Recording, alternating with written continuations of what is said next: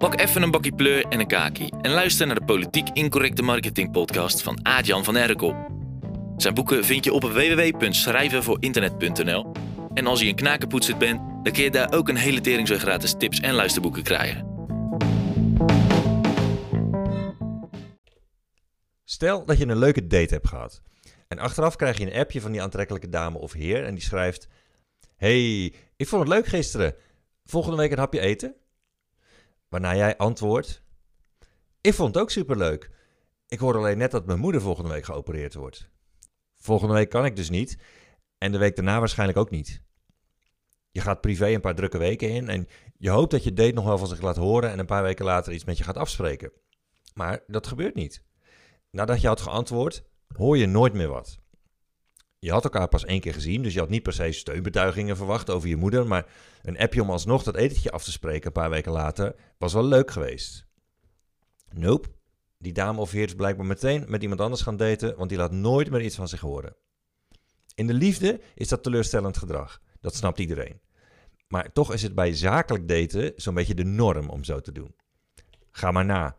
Als je een offerte aanvraagt bij een bedrijf en je zegt niet meteen ja, dan hoor je meestal niks meer. Of je krijgt misschien nog één belletje of mailtje. Daarna blijft het stil.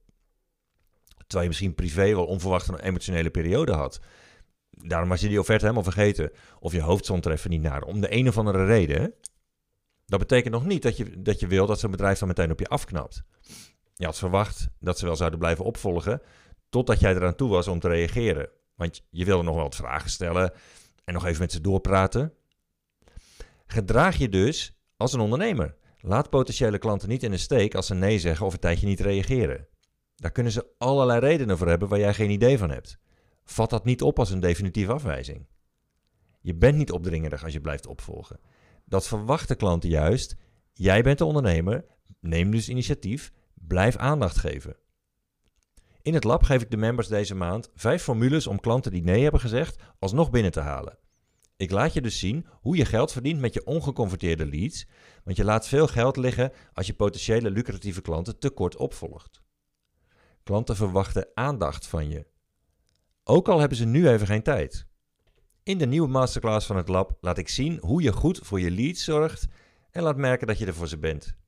Op vijf verschillende manieren die je nu waarschijnlijk nog niet gebruikt. De link om member te worden en de nieuwe masterclass volgende week in de bus te krijgen is www.hetlab.online. Ik zie je daar.